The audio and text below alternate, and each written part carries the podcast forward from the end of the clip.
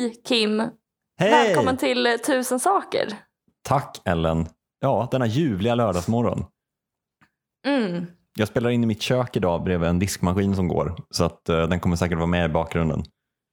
Ja, jag spelar in i mitt vardagsrum bredvid all blåljuspersonal i hela staden. Det är ju det som förenar oss, att vi båda bor vid en prioriterad utryckningsled. Är det det som... Jag har alltid undrat vad det är som förenar oss. det är alltså detta.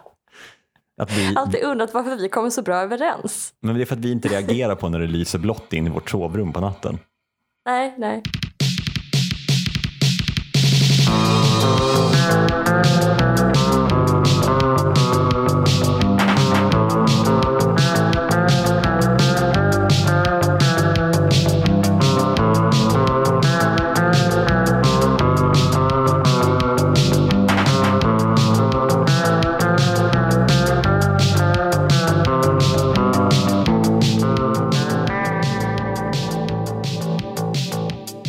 Linnea ska bara spola högljutt. Det, Det det är så helt subtil liksom, utsykning, eller su- subtilt sabotage. Bra. Snyggt. Eh, jag tror att Linnea hämnas lite för att jag gjorde färskpressad juice förut.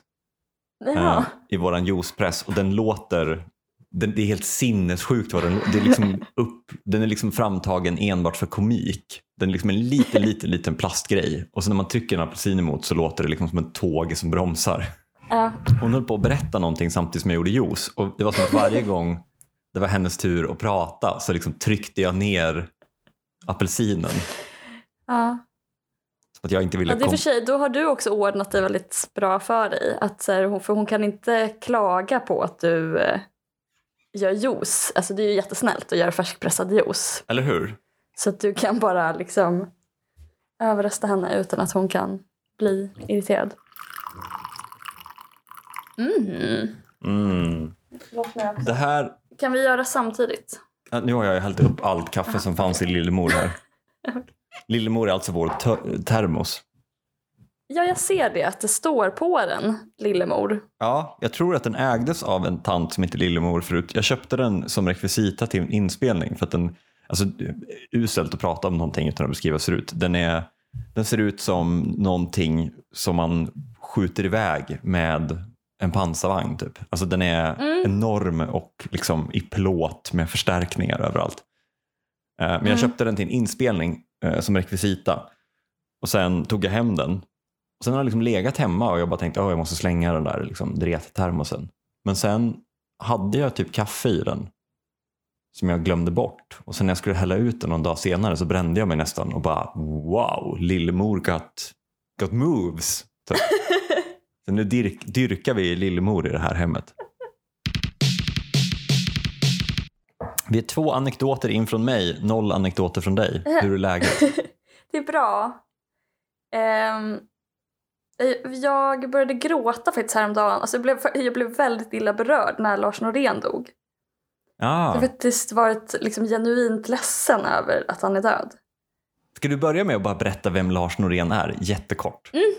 Lars Norén är, var då en dramatiker och författare och poet. Och nu på slutet så gav han ju också ut eh, sina dagböcker då. Och de har väl varit också uppmärksammade, mm, framför allt kanske för att det är så, mm, alltså han fäller så hårda omdömen om folk. Mm. Eh, jag håller som sagt på att läsa dem nu och det är ungefär 6000 sidor. Åh herregud. Så registrerar han. Men är det, alltså, Sina kan, intryck. man, kan man tycka att något är bra då? När det är så? Eller Ja, det är det som är, det är, det som är man så sig otroligt. liksom? Vad sa du? Viker man sig bara för liksom frekvens till slut? Att man är så här, nu har jag lyssnat på så mycket barnmusik så nu har jag börjat tycka om det. Nu har jag varit så djupt inne i Lars Noréns... Eh, Våld. nej, alltså det, det, som är så, det som är så sjukt är att all, nästan allting är bra. Jaha. Nästan varenda ord, tycker jag. Men jag ska, för, jag ska försöka bara säga någonting om, så, som jag har tänkt på med nu när han har också varit, alltså det, har, det har rapporterats så mycket om hans död också ju. Alltså jag får reda på att han har dött nu. Du får veta det nu av mig. Jag trodde bara att han hade släppt en till av sina dagböcker. Jaha, jo men det har han ju också.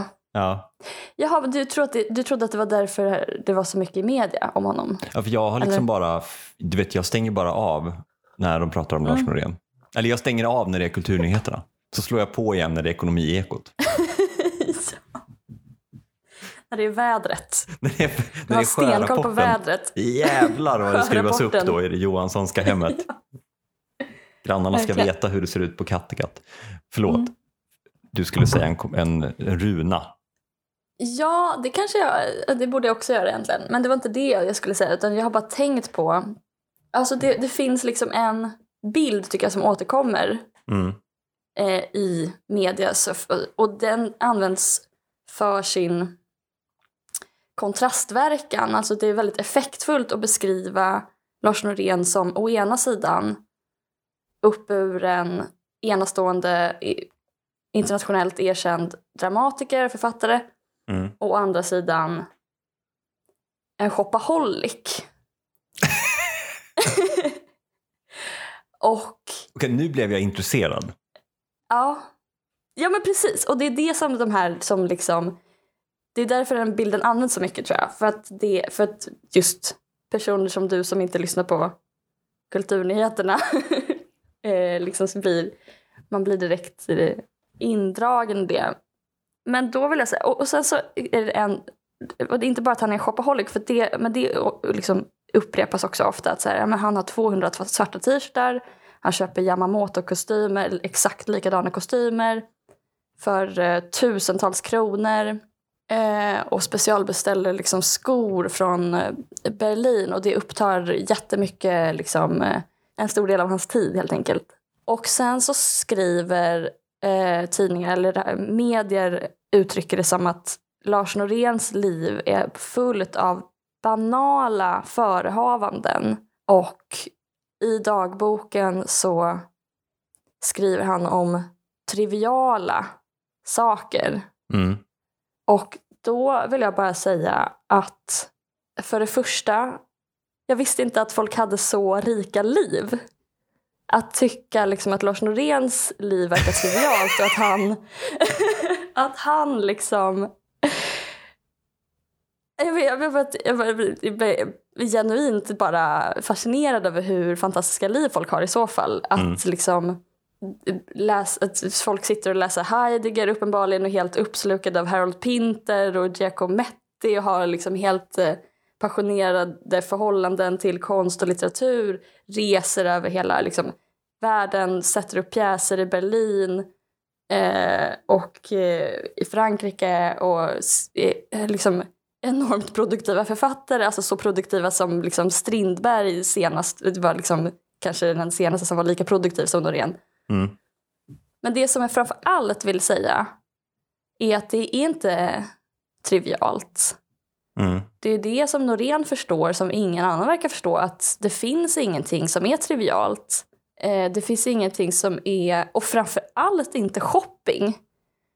Jag kan låta meddela svenska folket att Marx kapitalet börjar med ett kapitel om varor. Eh, Han skriver till exempel, han skriver helt underbart, jag kan läsa upp, Som du har liggande lätt tillgängligt. som jag, bara som jag har på datorn. Som bakgrundsbild. ja. Som du har gjort så en solnedgångsbild och så har du klippt in ett Marx-citat. Jag har det här på väggen, det, det så och Live, Laugh. Love. Live, Mm. laugh, betala skatt. Ja. Så här skriver han. En vara ser vid första ögonkastet ut att vara en självklar trivial sak.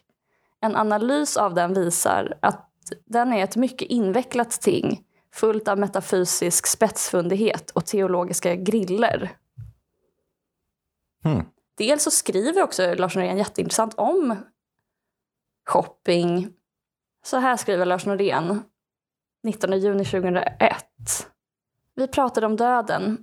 Jag sa att jag blir så vemodig när jag köper kläder och vackra föremål eftersom de påminner mig om att jag ska dö och att jag därmed ska mista dem. De blir en ständig erinran om att livet snart är slut. Jag blir mer och mer försiktig med vad jag vill äga. Charlie sa att han bara kände så när det gäller hans böcker. De kan fylla honom med sorg och avsked. Jag sa att jag tänker på vem jag skulle vilja tog hand om det här när jag är borta. Men det spelar ingen roll. Ja, men jag är bara, jag är bara förvånad över att folk tycker att det är trivialt när det är... Ja, men till exempel George Lucas eh, skriver också att eh, alltså, varuproblemet är det centrala problemet i ekonomin och det är liksom det Ja, det, det, kan inte betraktas som någonting isolerat utan det är liksom centralt för hela den kapitalistiska ekonomin. Eh, och allting, och det är det som jag tror eh, både han och Karl Marx och Karl Polanyi till exempel är ute efter att om man ägnar varan noggrann uppmärksamhet så framträder eh, liksom eh, Ja, men till exempel skriver Marx också att arbetets sociala karaktär framträder i varan. Alltså det finns ju precis. Både produktionen och konsumtionen av varor är ju intressant om man är mm. intresserad av samhället. Liksom. Och det är ju som varorna är projektioner för begär. Alltså det har jättemycket att göra med liksom längtan. Ja, man använder det som gåvor. Det är liksom, man kan använda det som en kärlekshandling, ge bort. Men det är också mångt och mycket hur vi skapar mm. vilka vi är. Mm. Alltså, jag känner att jag kan relatera jättemycket till Norén nu, för jag har också dubbla uppsättningar av allt jag tycker om. Och jag ja. får inte tycka om någonting för mycket. Om jag köper ett par jeans som jag älskar, då får jag ångest över att de en dag kommer att lämna mig. Och så tillbringar jag min tid med att försöka få tag på ett par likadana. Ja. Och till slut slutar jag använda dem för att jag kan inte liksom förbereda mig på känslan av att behöva skiljas dem åt. Liksom. Nej, nej, precis. Så jag känner jättemycket igen mig i Norén och jag känner att jag, jag undrar också vad alla andra människor lägger sin tid på.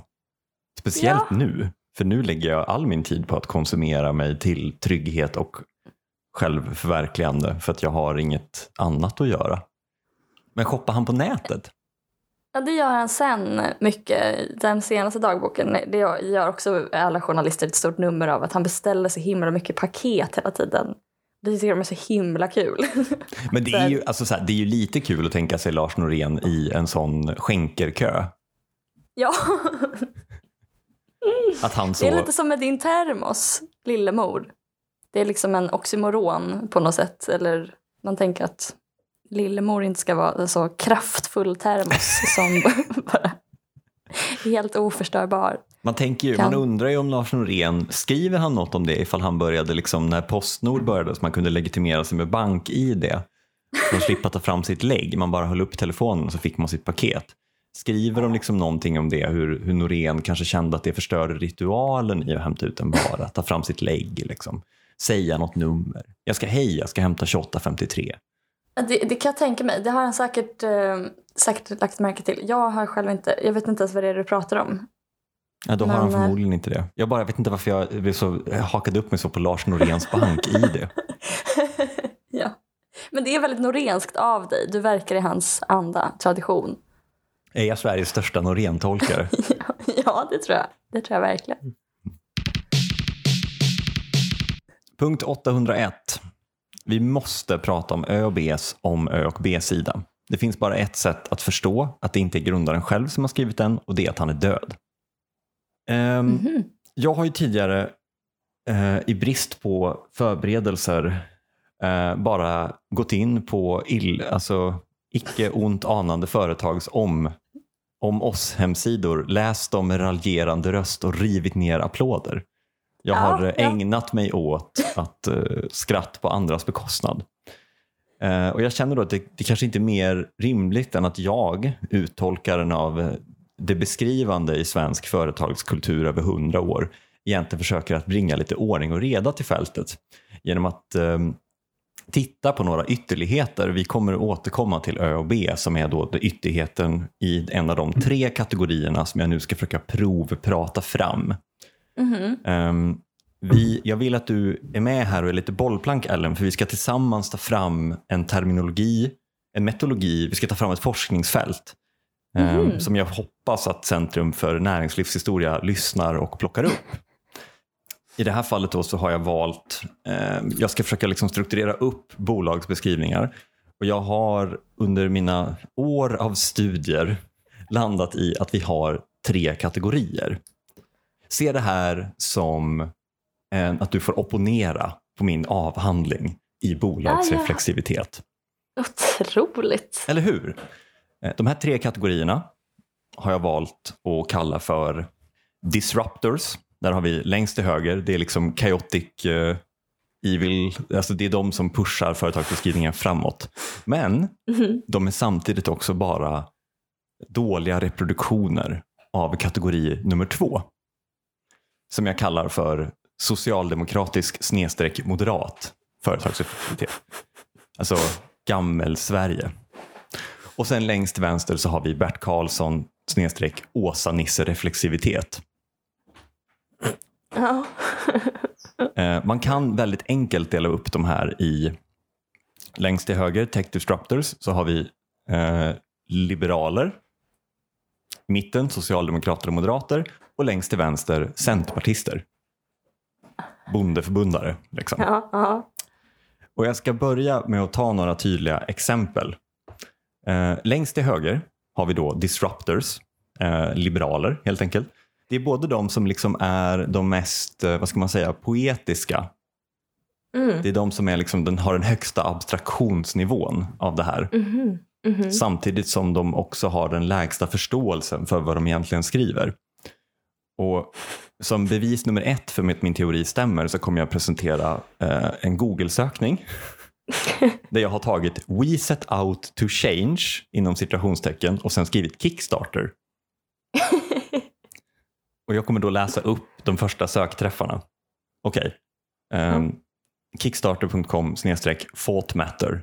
For the people our attempt at re- redesigning the US constitution by design. Democracy is failing. We set out to change that. Så det här är alltså en grafisk um, om eh, design av den amerikanska konstitutionen i en snygg eh, leaflet som man kan ladda ner.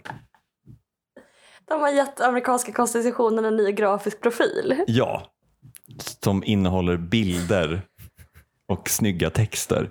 Gud. De har till exempel tagit historiska målningar, gjort dem svartvita och sen gjort dem lite rosa så att det ska matcha ihop med det nya färgschemat. Jaha. Som de har landat i genom att blanda rött, vitt och blått och då fått den här rosa färgen med blå text. Så det är för att visa en sån smältdegel som USA egentligen är. Men förlåt, men det, det måste finnas att läsa på Wikipedia. Amerikanska konstitutionen. Eller vadå? Min bild av så här infografik till exempel. Mm.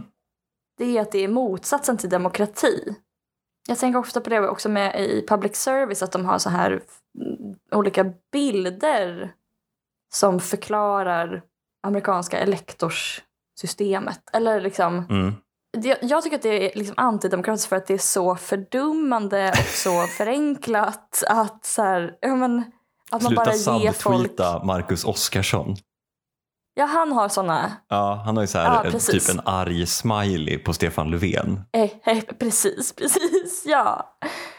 Eh, vi går vidare eh, på Kickstarter. Då. Jag vill också bara flika in att Kickstarter då tar sitt demokratiska ansvar. Är de som har bytt sin logga till en helt svart logga och skrivit Black Lives Matter under. Eh, Mito, the sustainable alternative to the electric kettle. Um, Mi- Mito is the game changer that goes beyond your normal kettle needs. Um, we waste a lot of water filling our kettles too much and we set out to change that. Eh, det här är då alltså en spisplatta som du kan Okej. ställa valfri wessel på så värmer den upp det. It also answers all your needs, an unfulfilled consumer need. You want more sustainable solutions in our lives. Så det är basically en spisplatta med en pinne som blir varm. Så det är en vattenkokare helt enkelt. Mm. Fast istället... Eller en sån doppvärmare. Ja, det är en Eh, doppvärmare. ja, Det är en doppvärmare. alltså, det pratade vi om i något annat avsnitt. Att det är kännetecknande för när är, man har nästan noll tillväxt. Ja, exakt. att då tar exakt. man bara något typ random som finns i rummet redan och bara den här kanske jag kan sälja. We set out to change. Och så den där grejen. Nej, men, eh, de tar faktiskt upp det att det är en immersion heater eh, och skriver vad skillnaden är.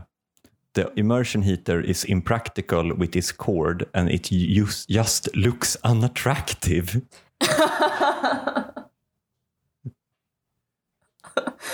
ja. ja, Ehm. precis som konstitutionen.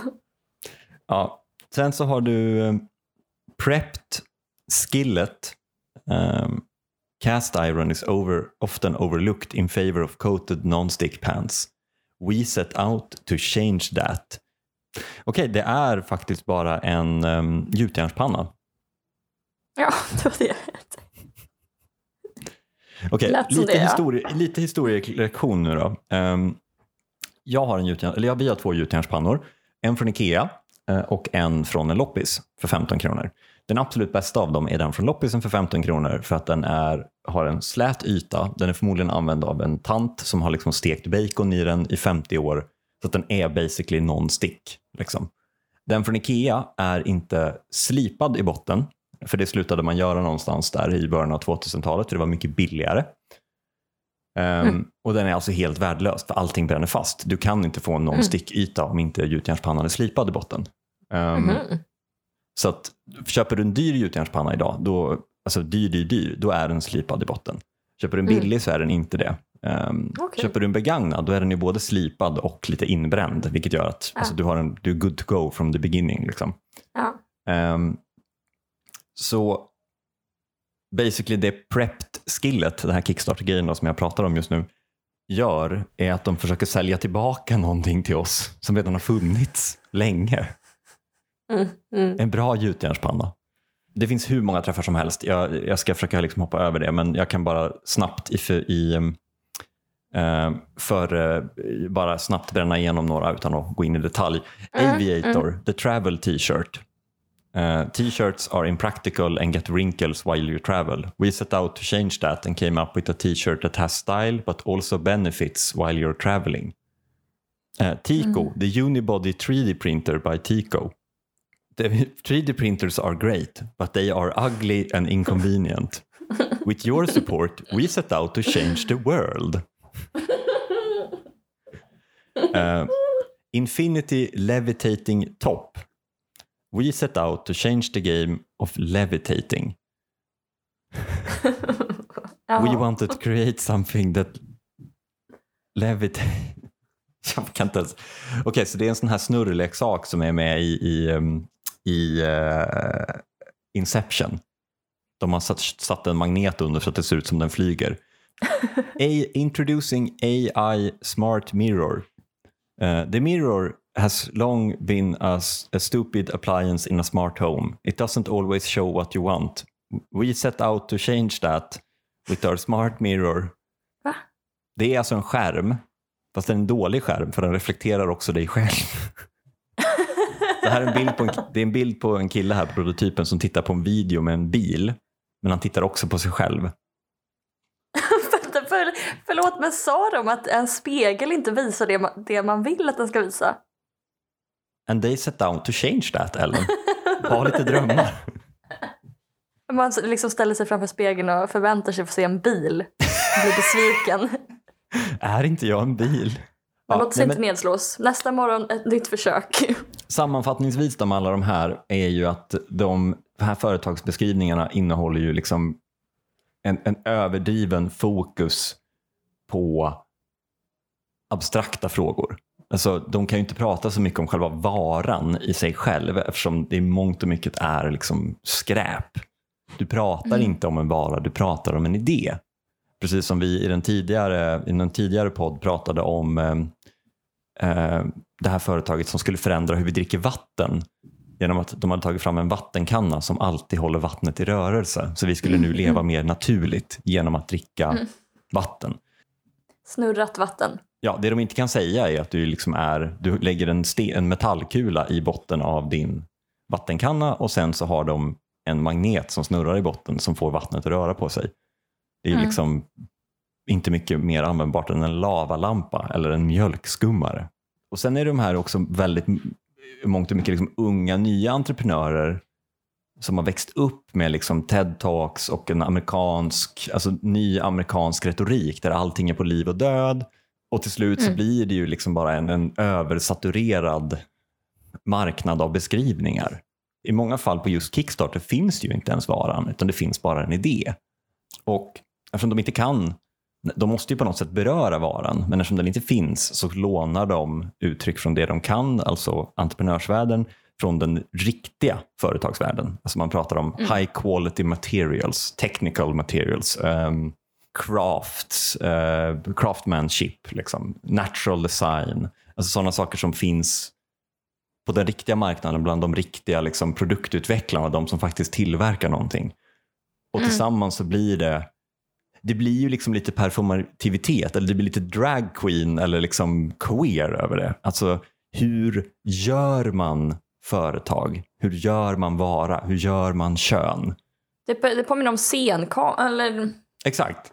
eller konst generellt. Ja, att man liksom konst. låter, håller upp en spegel eller liksom visar någonting. Så, här, så här ser det här ut om man liksom zoomar in på det. Eller, Mm. Så, då, så då, då kan vi kanske enas kring då att vi, vi har en stabil första kategori som kan definieras av att det finns egentligen ingen vara, det finns bara en idé. Det kanske inte ens finns ett företag, det finns bara liksom eh, beskrivningar. Alltså du måste skapa allting med hjälp av en ordvärld.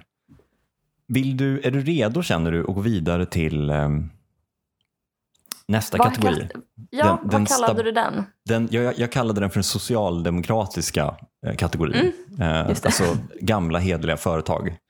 Mm. Och som exempel här då så har jag valt att eh, fokusera på bolaget Uddeholm Mhm. som ligger i Hagfors i Värmland eh, Mm. och över hela världen och är en av världens främsta eh, tillverkare av verktygsstål. Vad är verktygsstål?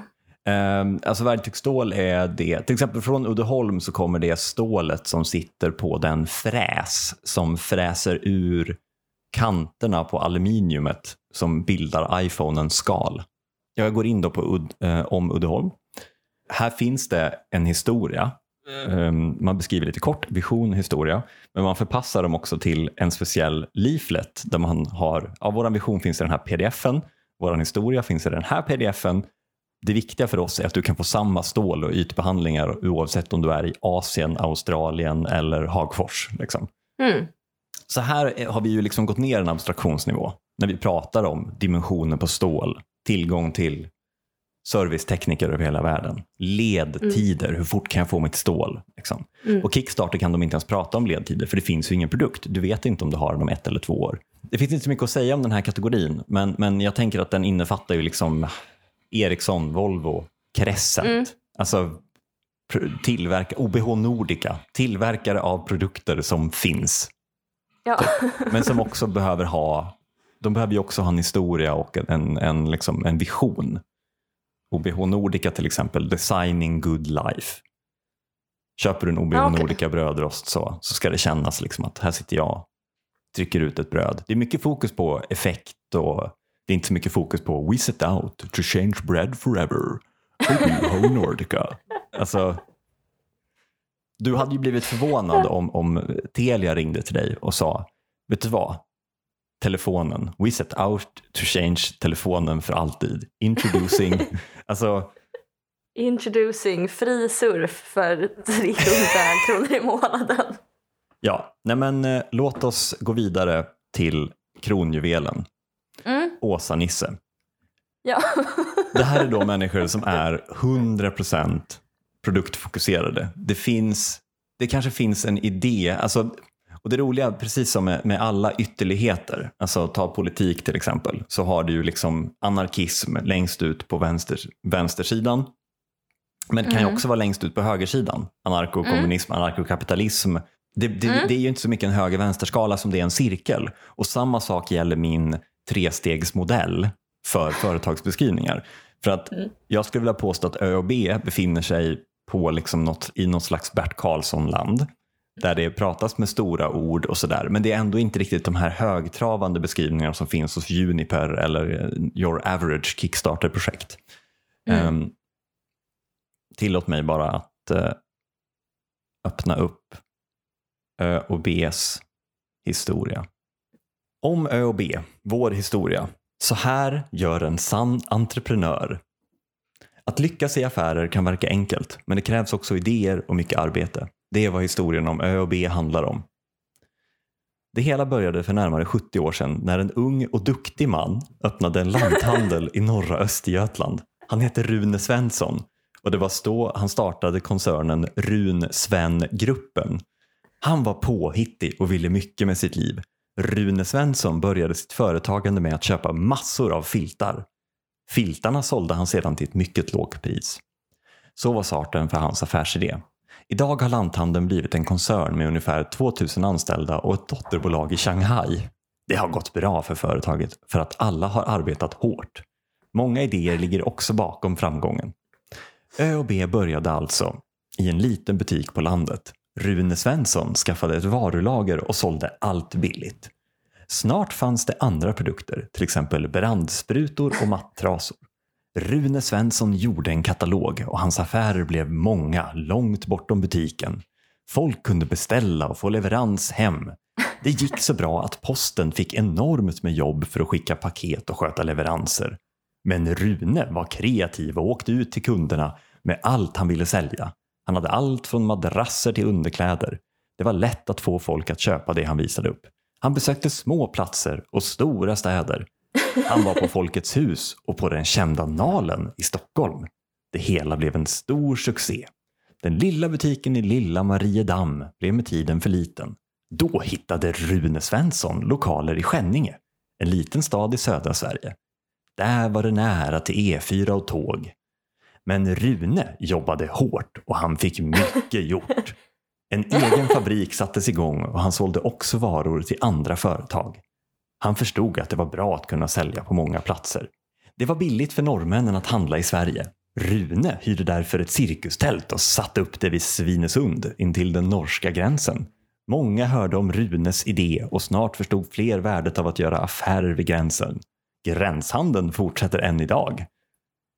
Hävdar de nu att Rune Svensson kom på... Var det Rune som kom på gränshandeln? Eh, Det jag- borde vara eh, liksom topprubrik. Jag anar viss ja, sarkasm här och det, det kommer Rune att bemöta under rubriken störande framgång. Det gick så bra för Rune att det irriterade andra affärsmän.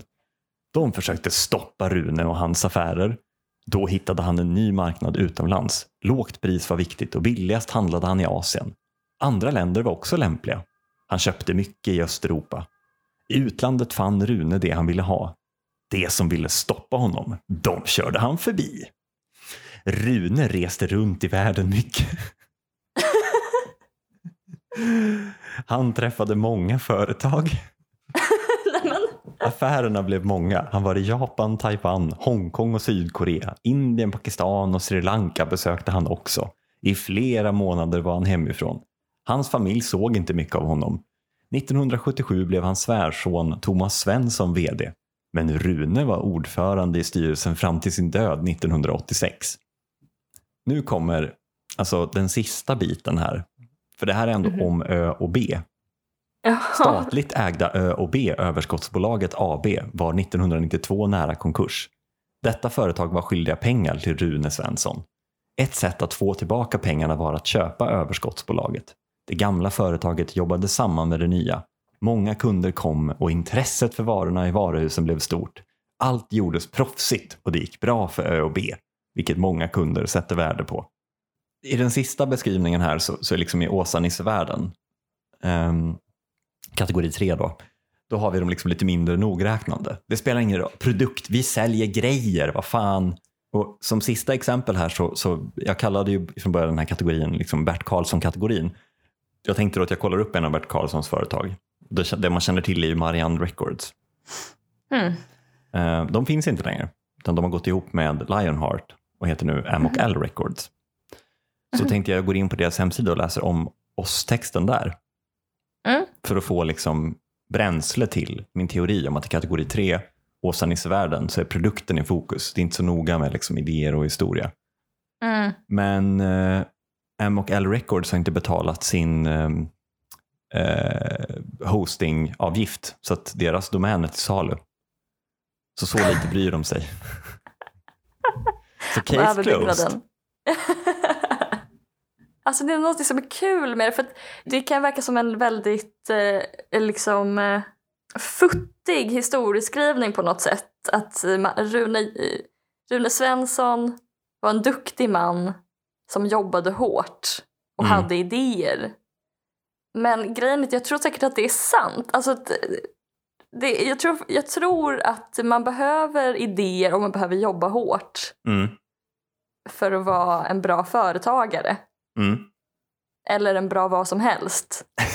Eh, det är bara det att de flesta tycker liksom att det är så självklart att det inte är, är liksom värt att nämna ens. Eller, men det är roligt att skriva en så lång, lång text där det är poängen. Att, eh, Att Rune var så jävla haj på affärer och träffade många Ja. företag och listade alla städer han var i. och att just att vara bra på affärer, det har inte så många andra beståndsdelar än att åka runt och träffa företag. Mm. eh, ha låga priser, jobba hårt, ha en idé. Alltså, det är liksom, det är säkert så det går till. Jag vet inte vem som behöver höra det, men Skulle du Känns läsa lite- Rune Svenssons dagbok? Med samma förbehåll som du skulle det, det läsa känns Lars som att jag har gjort, det känns som att jag har gjort det redan. Nej men eh, tack för din, ditt otroliga bidrag till eh, eh, vetenskapen om eh, ÖoB. För Centrum för näringslivshistoria så jag finns på kimjohans med två s gmail.com. Ni kan få min avhandling. Tack för idag Ellen. Tack för idag Kim, Och tack till er som har lyssnat på Tusen saker, en podd om tusen saker. som kommer ut på tisdagar klockan sex på morgonen och produceras av Sally Eriksson Ja, och eh, ges ut under ansvar av Ellen Theander. precis. Stay strong kids. Stay cool. För att citera en proteinbar jag har i kylen. Keep protein high.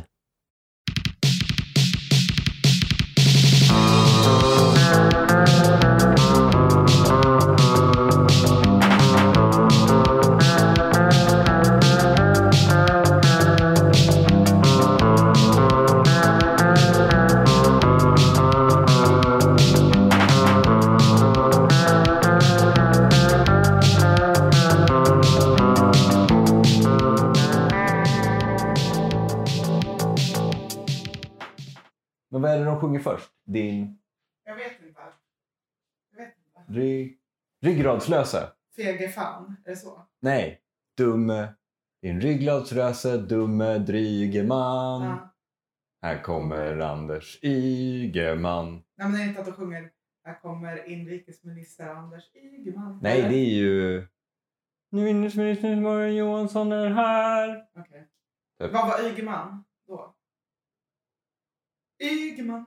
Han kanske var det. Nej, migrationsminister. Ja, här kommer migrationsminister. Nej, alltså Ygeman var ja, inrikesminister. Ja, och, och Morgan Johansson var Just det. migrationsminister. Så var det. Ja, tack.